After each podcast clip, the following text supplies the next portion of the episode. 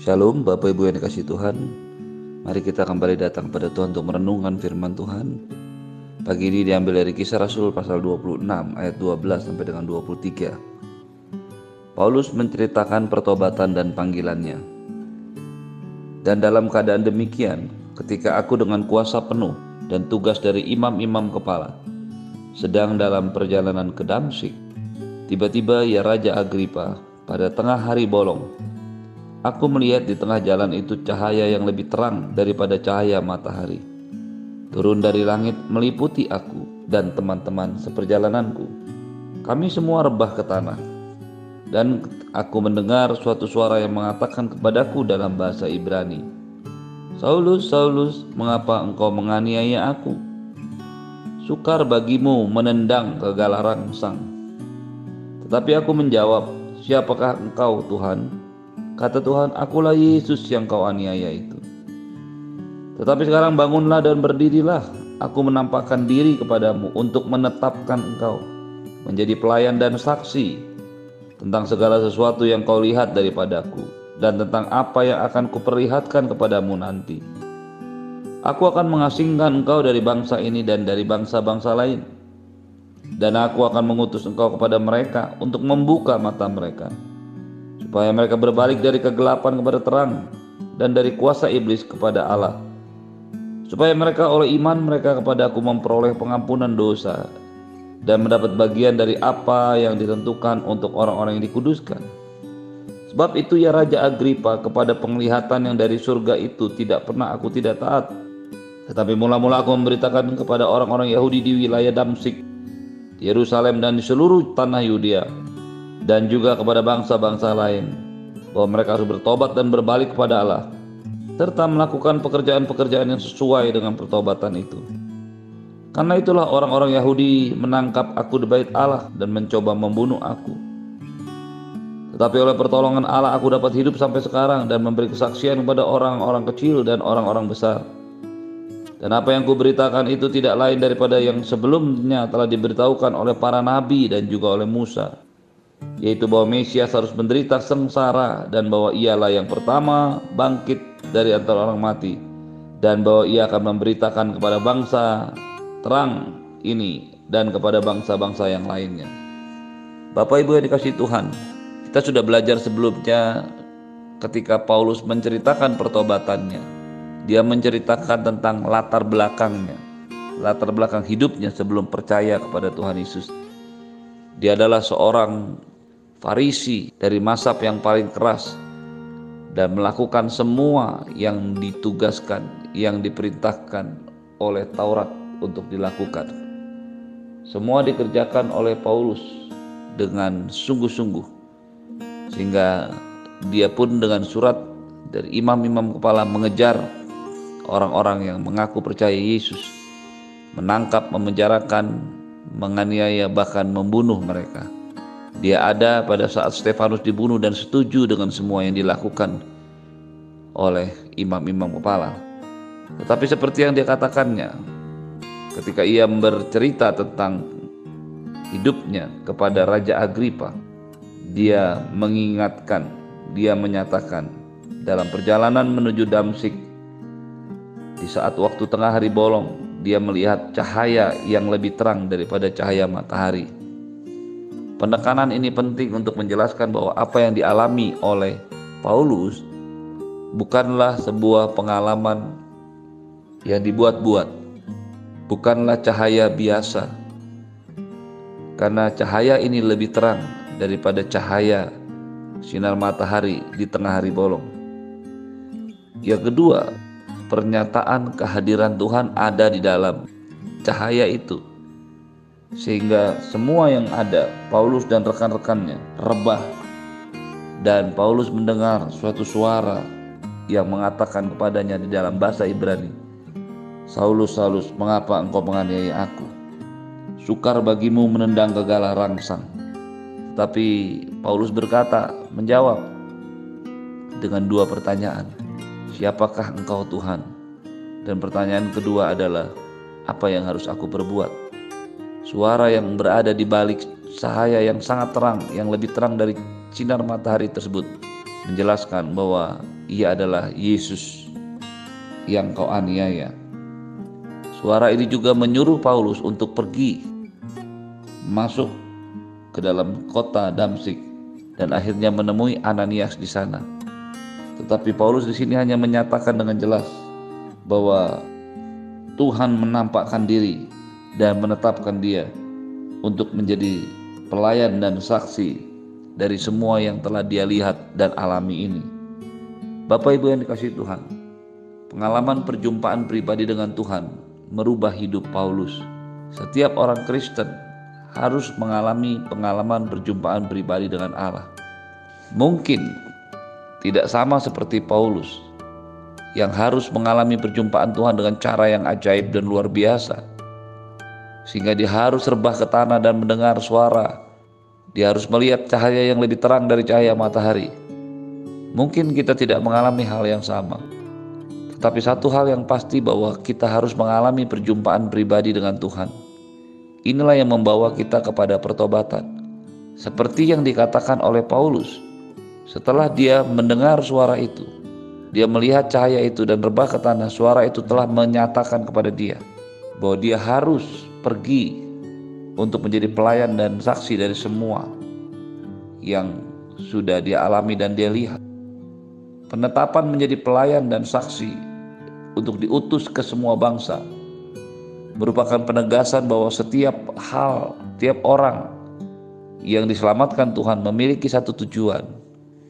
Tuhan punya satu tujuan untuk menyelamatkan Anda dan saya. Ketika Tuhan memanggil Saulus, dia menyatakan kehendaknya dengan jelas. Kamu harus pergi. Kamu sudah ditetapkan menjadi pelayan dan saksi tentang apa yang telah kau lihat dan apa yang nanti akan diperlihatkan Tuhan kepada Paulus. Seorang pelayan Tuhan bukan hanya menyampaikan berita tentang Injil, tetapi dia juga harus menyampaikan pengalamannya bersama dengan Tuhan. Apa yang sudah dia lihat dan alami. Setiap kita bukan hanya harus tahu tentang Injil, bukan hanya harus tahu tentang Yesus, tapi juga kita harus mengalami perjumpaan pribadi dengan Dia. Dengan tegas Tuhan mengatakan, "Sukar bagimu menendang ke galah rangsang." Ini adalah sebuah istilah dalam budaya Yunani pada masa itu. Kata galah berasal dari bahasa Yunani kentron. Ini adalah sebuah alat yang dipakai untuk memecut ternak pada saat membajak supaya lembu atau binatang apa pun yang dipakai untuk membajak bisa bergerak maju atau diam. Arahnya pun ditentukan oleh kentron ini, galah ini. Orang-orang Yunani menggunakan sebuah gambaran atau ilustrasi atau figuratif dan menendang ke arah galah rangsang itu menunjukkan bahwa lembu atau binatang yang dipukul, yang diarahkan oleh galah ini tidak bisa mengatur hidupnya sendiri. Ketika Tuhan Yesus berbicara kepada Paulus, walaupun dengan bahasa Yunan, bahasa Ibrani, tetapi ilustrasi yang disampaikannya ada dalam bahasa Yunani yang saat itu memang menjadi bahasa pemersatu, bahasa persatuan, bahasa komunikasi. Dan istilah yang dipakai juga adalah istilah Yunani, galarangsang. Ini menunjukkan arti bahwa Tuhan berbicara dengan alam pikiran, dengan konsep yang ada pada hidup manusia sekitarnya pada waktu itu. Dengan ini Tuhan ingin menyatakan Paulus sudah tidak waktunya lagi, sudah tidak bisa lagi engkau melawan Tuhan. Jangan menendang kepada galarangsang, jangan melawan kepada tuntunan Tuhan. Pada waktunya ada masa di mana Tuhan akan menyatakan kehendaknya kepada kita. Dalam diri Paulus hal ini dinyatakan dengan jelas ketika dia berusaha untuk menyerang, mencari, menangkap, memenjarakan bahkan membunuh orang-orang Kristen, penganut jalan Tuhan, orang-orang yang percaya pada Yesus. Ketika Paulus berpikir bahwa semuanya dilakukannya untuk Tuhan, tetapi ternyata itu malah menganiaya Tuhan Yesus. Dengan jelas Tuhan Yesus mengatakan, "Akulah Yesus yang kamu aniaya." Apa yang dilakukan oleh Paulus kepada gereja, kepada umat Tuhan, penganiayaan yang dilakukannya tidak pernah bertemu langsung dengan Yesus, tetapi ternyata itu juga dirasakan dan dialami oleh Yesus. Akulah Yesus yang kamu aniaya. Janganlah kamu menendang kepada galah rangsang. Ada waktunya di mana Tuhan menyatakan kehendaknya membalikkan semua keadaan sesuai dengan kedaulatan dan hak prerogatif Tuhan. Inilah waktunya Tuhan untuk mengembalikan, merubah arah hidup Paulus. Dan ini semua menjadi sebuah pengalaman pribadi yang tidak mungkin dilupakan oleh Paulus. Dengan jelas dia menyatakannya kemudian terhadap penglihatan itu tidak pernah aku tidak taat. Bapak Ibu yang dikasih Tuhan, perjumpaan dan pengalaman pribadi dengan Tuhan merupakan satu kesempatan di mana Tuhan menyatakan kehendaknya, kedaulatannya. Dan itulah waktunya untuk Anda dan saya meresponinya dengan benar. Paulus meresponinya dengan benar. Dan dia tidak pernah tidak taat. Dia selalu taat terhadap semua yang diatur Tuhan dalam dirinya. Penetapan Paulus menjadi saksi, diutus ke bangsa Yahudi dan kepada semua bangsa, merupakan penggenapan janji Tuhan yang sudah disampaikan oleh nabi-nabi, mulai dari Musa dan nabi-nabi selanjutnya. Berita pertobatan adalah berita keselamatan, berita pengampunan dosa. Tapi berita pertobatan adalah juga berita tentang berbaliknya kehidupan orang dari kegelapan kepada terang, dari pengaruh iblis kepada tunduk kepada Allah. Berita pertobatan adalah berita yang menyatakan bukan hanya pengampunan dosa, tapi sebuah ketetapan untuk hidup dengan iman dan mendapatkan bagian dari semua janji-janji Allah. Berita pertobatan juga adalah berita yang harus disampaikan kepada semua orang, semua bangsa, sehingga mereka berbalik dan bertobat dari jalan-jalan yang jahat dan melakukan pekerjaan-pekerjaan yang sesuai dengan pertobatan. Injil Tuhan Yesus adalah Injil kasih karunia tetapi juga adalah Injil pertobatan yang akan membawa setiap orang berbalik dari kehidupan dosanya dan mengikut Tuhan dan hidup sesuai dengan buah-buah pertobatan.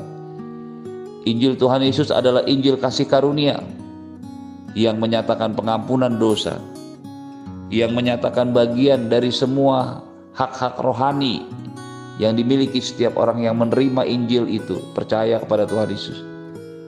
Tetapi Injil ini juga harus menunjukkan, harus membawa setiap orang yang percaya kepada Yesus berbalik dari pekerjaan setan, dari pekerjaan si jahat kepada pekerjaan Allah. Injil kasih karunia ini juga membawa setiap orang percaya lepas dari kuasa iblis kepada kuasa Allah. Inilah Injil yang harus disampaikan, inilah Injil yang harus diterima Inilah Injil yang harus diresponi oleh setiap orang percaya. Sehingga setiap kali kita mendengar ada orang yang percaya pada Yesus, kita juga harus mendengar ada orang yang bertobat dari dosa-dosanya, meninggalkan kehidupan lamanya dan hidup sesuai dengan buah-buah pertobatannya. Kita juga harus melihat, kita juga harus menyatakan Injil Yesus adalah Injil berbalik dari pekerjaan kuasa si iblis kepada kuasa Allah sehingga semua yang terjadi dalam hidup kita menjadi sebuah kebenaran. Bukan hanya pengajaran tetapi juga kehidupan dan sebuah pengalaman rohani bersama-sama dengan Tuhan. Karena ke ke ke kekristenan sebenarnya adalah sebuah kumpulan kehidupan. Bukan hanya teori, doktrin atau dogma agama. Pagi hari ini biar Injil keselamatan yang belum kau terima kita terima untuk membawa kita bertobat kepada Allah. Dan bagi kita yang sudah menerimanya biar ini menjadi sebuah refleksi diri. Untuk terus hidup menghasilkan buah-buah pertobatan untuk hidup sesuai dengan apa yang harus kita lakukan sesuai dengan pertobatan itu dan berubah hidup dengan kuasa Allah. Terimalah berkat yang berlimpah-limpah dari Bapa di surga, cinta kasih dari Tuhan Yesus, penyertaan yang sempurna daripada Roh Kudus, menyertai hidupmu hari ini dan sampai selama-lamanya. Tidak ada sakit penyakit virus bakteri apa pun, virus varian terbaru apa pun yang bisa menyentuh kau, kau akan aman bersama-sama dengan Tuhan. Tuhan akan menjaga keluar masuk hidupmu dari sekarang dan sampai selama-lamanya. Di dalam nama Tuhan Yesus semua yang percaya katakan amin. Shalom, selamat pagi, Tuhan Yesus memberkati.